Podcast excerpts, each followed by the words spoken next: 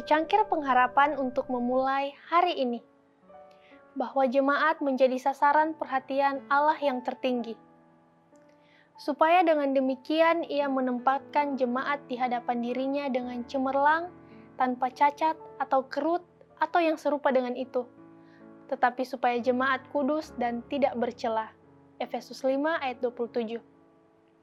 Jemaat, walaupun lemah dan bercacat adanya, ialah satu-satunya sasaran di atas dunia ini di mana Kristus mencurahkan perhatiannya yang tertinggi.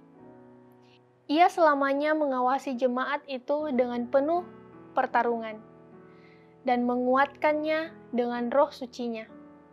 Sebagai anggota jemaatnya, maukah kita membiarkan dia mengesankan pikiran kita dan bekerja oleh perantaraan kita untuk kemuliaannya?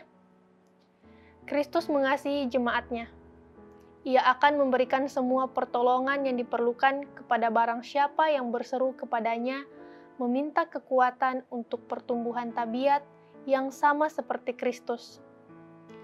Tetapi kasihnya itu bukanlah kelemahan. Ia tidak akan melayani dosa-dosa mereka itu atau memberikan kepadanya kemakmuran.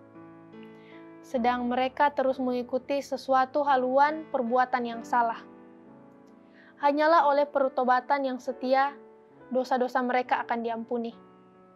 Karena Allah tidak akan menutupi kejahatan dengan jubah kebenarannya.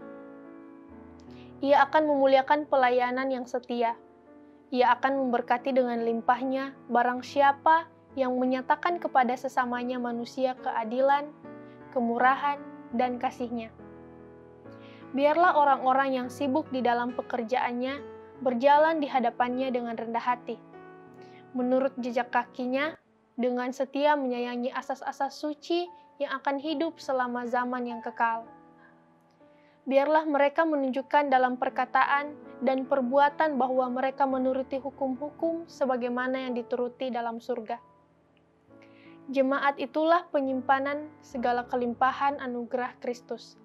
Maka oleh perantaraan jemaat itulah akhirnya akan dinyatakan bahwa kepada segala pemerintah dan penguasa yang di surga, hendaklah menjadi pertunjukan yang terakhir dan sempurna dari kasih Allah. Jemaat itulah benteng Allah, kota perlindungannya yang dipertahankannya dalam satu dunia yang memberontak.